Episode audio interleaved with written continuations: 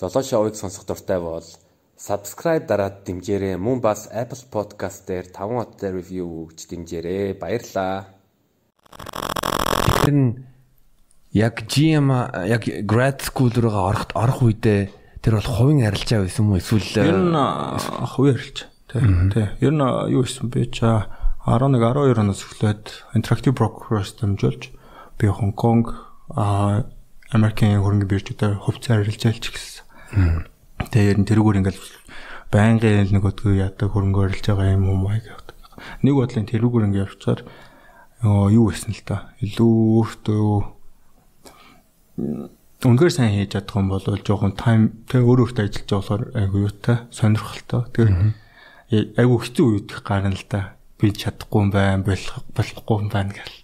Тэгээ нөгөө нэг дотор нэг мөрөөдөл байдаг болохоор гэл тэрний төлөө л Тэг хамгийн хэцүү нь бол надад юм хил мэл бэлтгэл жиматай дүү бэлтгэл амар хэцүүс яа тэрнээс л.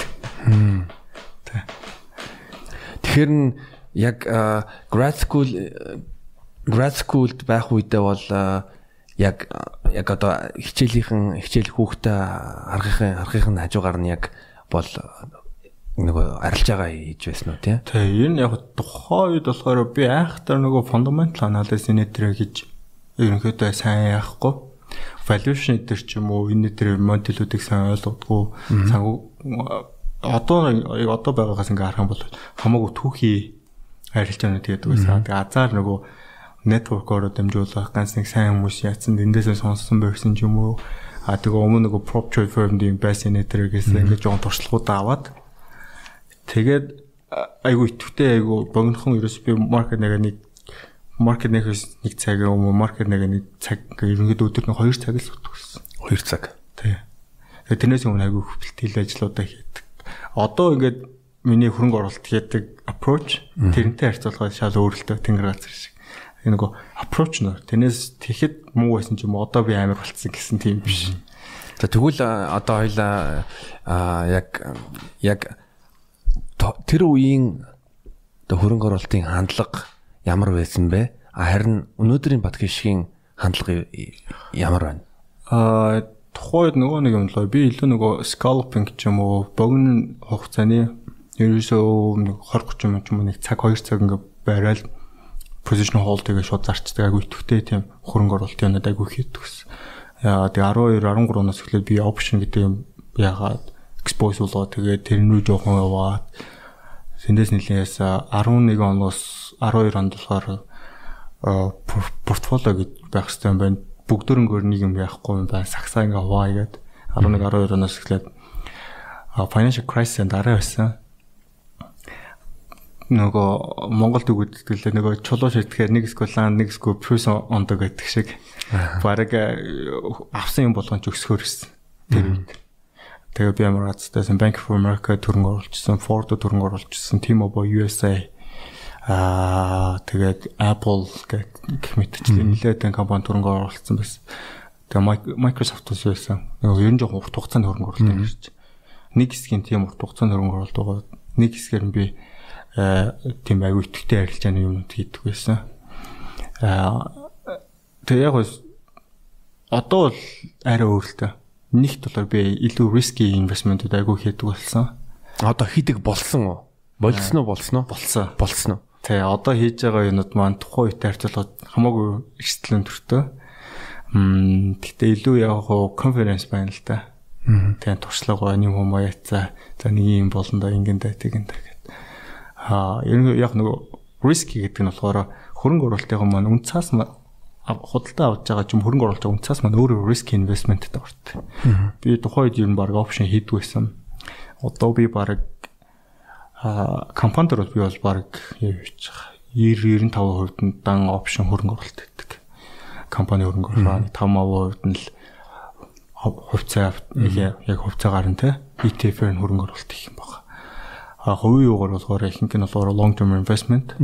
Тэгэхээр тэрэнд бол ер нь бол дандаа юу нүб ETF-уд байгаа. Retirement fund гэсэн үг тийм. Option-ы онцлогийг тайлбарлаад өгөөч. Ягаад option option дээр төвлөрлсөн бэ?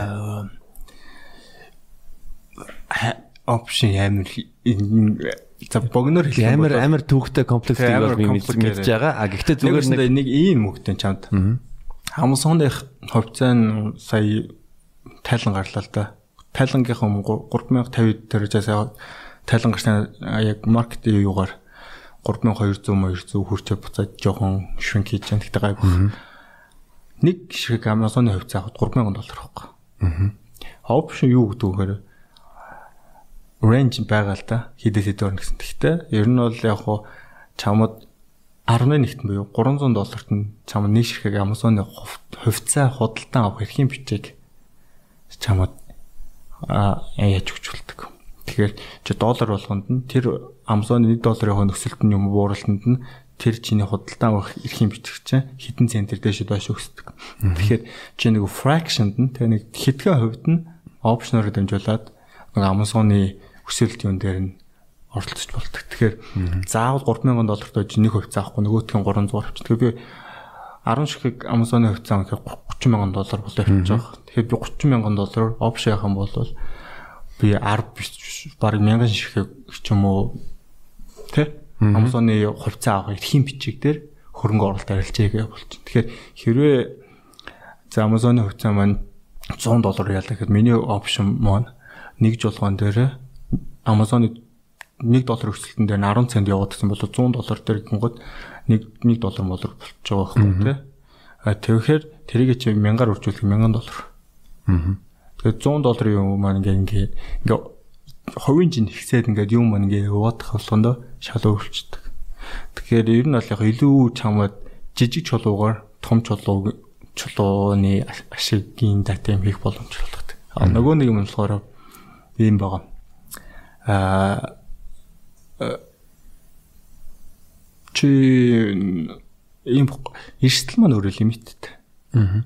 Би тэгээ энэ маань нөгөө бүр нэг obligated бүр заавал чи худалдан авах та зарах хэрэгтэй гэсэн тийм нөгөө эрхийн бичиг биш. Чи үнэхээр худалдан авмаар бол хэрэгжүүлж болно хэрэг авмааргүй бол хайчиж болдог. Тэгэхээр бүр тэр нь бүр нэг юм заавал гэсэн юм ороогүй байд болохоор бас нэг юм баг. Тэгээд чи хэр Amazon-ы нэг хувьцаа авсан байсан бол те 3000 доллар алдчихсан бол нөгөөтгөн дээр нэг юу байсан бол 300 доллар алдчих байхгүй. Аа. Тэ. Тэгээ аюу олон хүмүүс ятчихдаг л та. Тэгээ нөгөө нэг болохоор short арилжаанууд байгаа. Short sell гэдэг Монгол дээр яг би орчуулгаа энэ гоёггүй орчуулгаа сонсоогүй.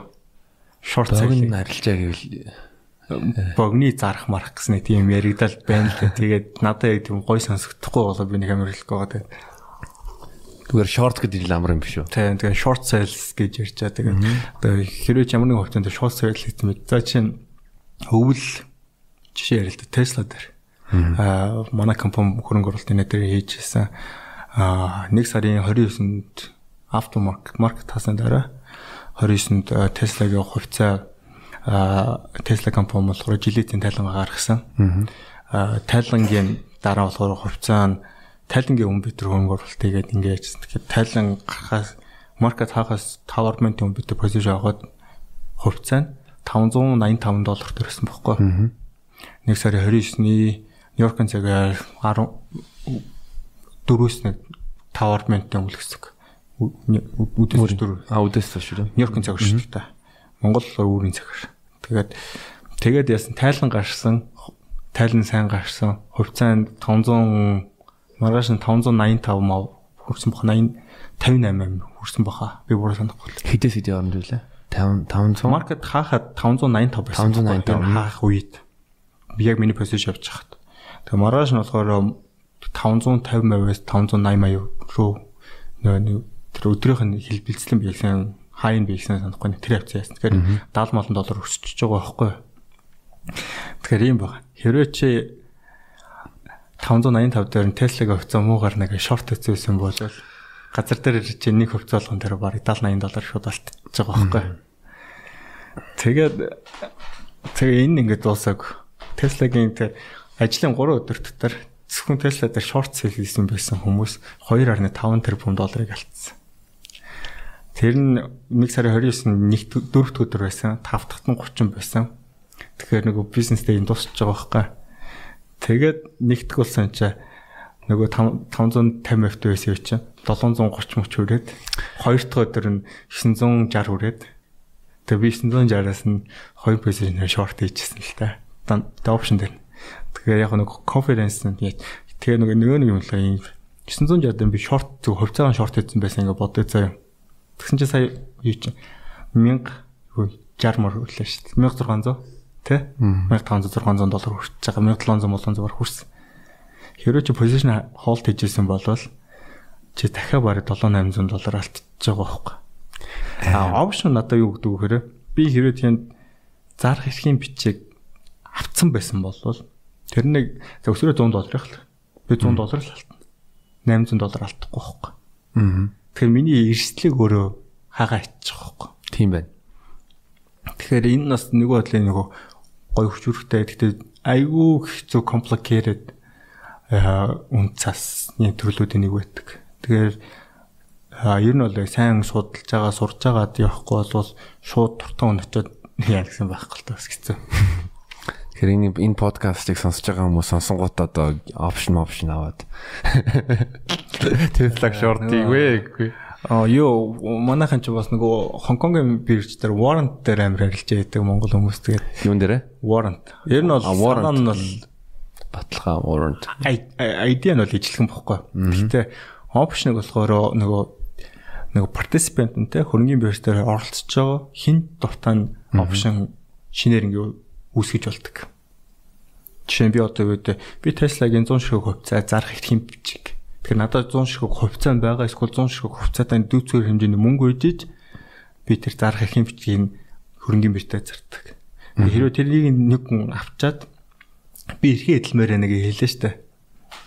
Яг эрхээ эдэл хугацаанд нээлтдэг болохоор тэгэхээр би тэрийг хувьцааг нь өгөх ёстой. Надад хувьцаанд байхгүй би хөрөнгөний бирж дээрээс яг тухайн үеийн маркет үнээр нь аваад нөгөө хүндээ хувьцааг нь өгөх ёстой. Warrant нь болохоор ингэдэг. Заавал нөгөө компани өөрөө Tesla өөрөө warrant гаргах. Эсвэл Tesla-гийн төлөөлж байгаа хувьцааг нь эзэмшиж байгаа банк нь ч юм уу тэд нар нь өөрсдөө warrant гаргадаг. Дурын хүн warrant-ыг гаргадаг. Тэгэхээр нэг тийм юм байна. Тэгэхээр тэр нь жоохон яг шууд хэлэх юм бол тэр нь жоохон ялгаад цаагаараа ер нь жоохон тэ чи компани эзэн тэгснээр хувьцаа зарах юм чи зараад байвал тэгэл бас ямар мессеж өгөх үү тэ? Зөв. Тэгээд чиний хувьд ер нь эрсдэл гэдгийг юу гэж ойлгодог вэ? Тэгээ эрсдлийн ямар түвшнүүд байдгийг хүн хизээ эрсдэл эрсдэл хүлээж авал зөв байдгийг а хизээ ямар тооцоолыг хэвтэй эрсдлөө энэ яг нэг ингээл ярьчаал та. Энгийн жишээгээр аа чи ямар нэг юм ихэр зөв юм буруу гэсэн хоёр сонголт байгаа шүү дээ. 50 50 юм уу? Та. Олон хийх юм бол яг нэг нэг ижлэн сонголтыг 50 50 тэгэхээр нэгэсэндээ 100-аар хамгийн их жишээ авдаг те. 100 хаялаа сүл буух тоо буух нь 50 50 юм баг л 10 хаяхад бол магадгүй чи 7 удаа сүл буулгаж болох хөхгүй болно. 1000 удаа их 100000 удаа их тэгэхээр нэгэсэндээ тухайн ажлаа олон хийх болохоор тэр чин нөгөө нэг статистик нь болохоор явсараа 50 50 руу төгчдөг нэг тийм байгаа. Тэгэхээр эрсдэл болохоор чи ямар нэг юм тэ би энэ хэмжээний хохирлыг амсчаад энэ хэмжээний ашиг хүртэх гээд байгаа л нэг тийм санаа бод байгаа штэ. Аа би ер нь жоохон эрсдэлд оргүй хүн л тэ. Тэгэхээр нөгөө би зоосны юу яриад байгаа санаа нь болохоор хөрөнгө оруулалтын хэрвээ яг зөв аппрочор ямар ч хөрөнгө оруулалт арилжаач юм уу яг миний мэрэгжлийн хүүднээс би хэлэх бол эрсдэл төр би эрсдэл дургу гэж хэлсэн. Тэгэхээр чи судалгаагаа зөв хийгээд юм марк эдийн засгаа зөв ойлгоод компани зөв ойлгоод яг хөрөнгөний биржтер болж байгаа орчноо зөв болгоод тухайн үн цаасан дээр арилжаанд оролцож байгаа талуудаа зөв ойлгочих юм бол чи тэр 50 50%-га өөрийнхөө давуу талтай байх магадлалаа өсгөж чаддаг. Магадгүй 10 20%-аар магадгүй 30%-аар.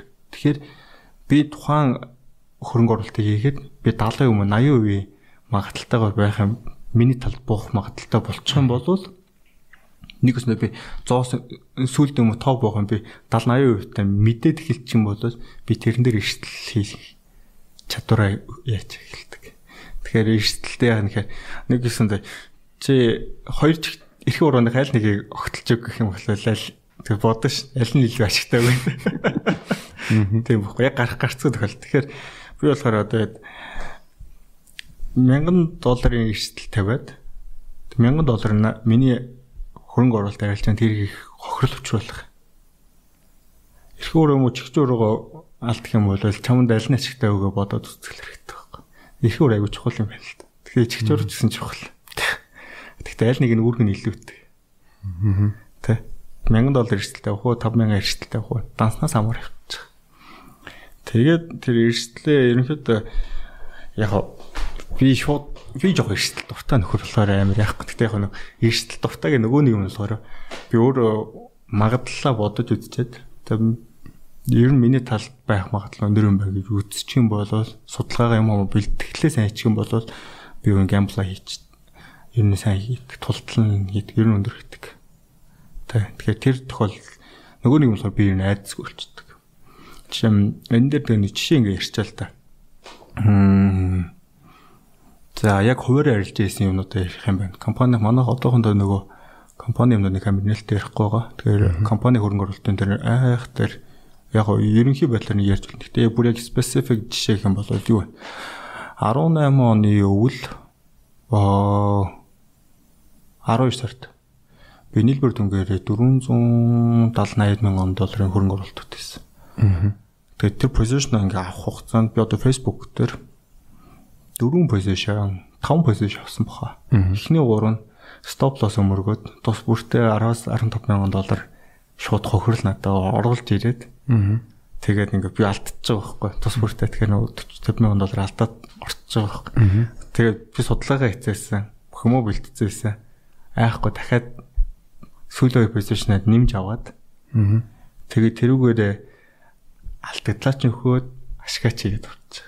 Тэгэхээр чи 100000 доллар эрсдэл орцсон байж тээ. Эхнийх дээр. Тэгэхээр дахиад хөрөнгө оруулалт хийгээд дахиад 10000 юм 15000. Тэгээд тэрнийхэн дараагийнх дээр нэгээд break even хийгээд нэг 5 6000 доллар ягаад. Тэгээ дахиж 2 PlayStation нэмж авчих واخ. Тэгэхээр Нэг эсвэл амар тэнэг гэмблер нөхөр тийм юм хийн.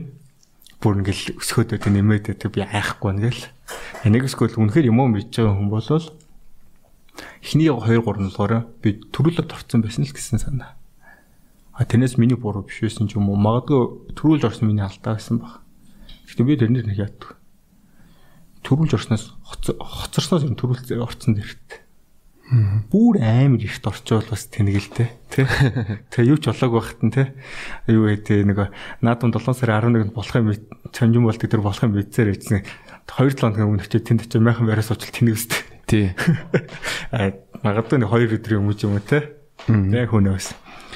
Тэгэхээр тэрэн шиг нөгөө юмаа мэдээ судалгаа мэдж байгаа юм бол угаасаа нэгэнт тэр юм болох ч байгааг мэдж байгаа бол тэгээд хөрөнгө оруулалт хийхээр айдсан гайгүй. Яг тэр үед би Goldman Sachs-д банкнуудын Goldman Sachs, Citibank, Bank of America, JP Morgan гэх дөрвөн банкнд Facebook, Microsoft, Apple бас, Amazon бас. Amazon дээр аа тэгээ нэг хэд хэд ETF-үүдээр тэгээ нийтээ баг нийлбэр дүнгээр худалдан авсан болохоор 20 юм байсан. Тэрнээс нь баг 8 9 stop loss break even мөргөөд break even гэхээр надад юу ашигч болдог төлөв тэгж мөргөөд нэтэр болоод тэг үлцэн хэсэг нь юу байгаад 45 бараг 50 хоногийн дотор нэг 180 90 мянга тэр шиг дотор өмнөхөрөө тэгээ гарчсан. Тэр юм уу мэддэг хүн бол эрсдлийг нөгөө эрсдлийн үнэлээс орчиж байгаа байхгүй. Тэгээ хэр их магадaltaар би эрсдлийг давах уу гэдэг. Нэгсэндээ би тэ дайнд орж байгаа бол нөгөө юу вэ? Art of War гэдэг шинцөгийн ном байгаа. Тэгэхээр үнэхээр яг юмаа судлаад мэдсэн бол яг номон дээр мэддэг. Яг миний ойлгож авч юмуд нэг хэсэг болохоор тэр байхгүй. Би хэр хэмжээний хохирлуулж яж хэр хэмжээний ялалт байгуулах уу гэдэг ойлгож байгаа юм бол тэрийг ер нь хийчихэд бол зүгээр өчтдөг. Ер нь эрсдэлгүй амьдрах юм бол жоохон боор юм шин. Тий. Тий. Тэгэхээр би бол тэгж боддог болохоор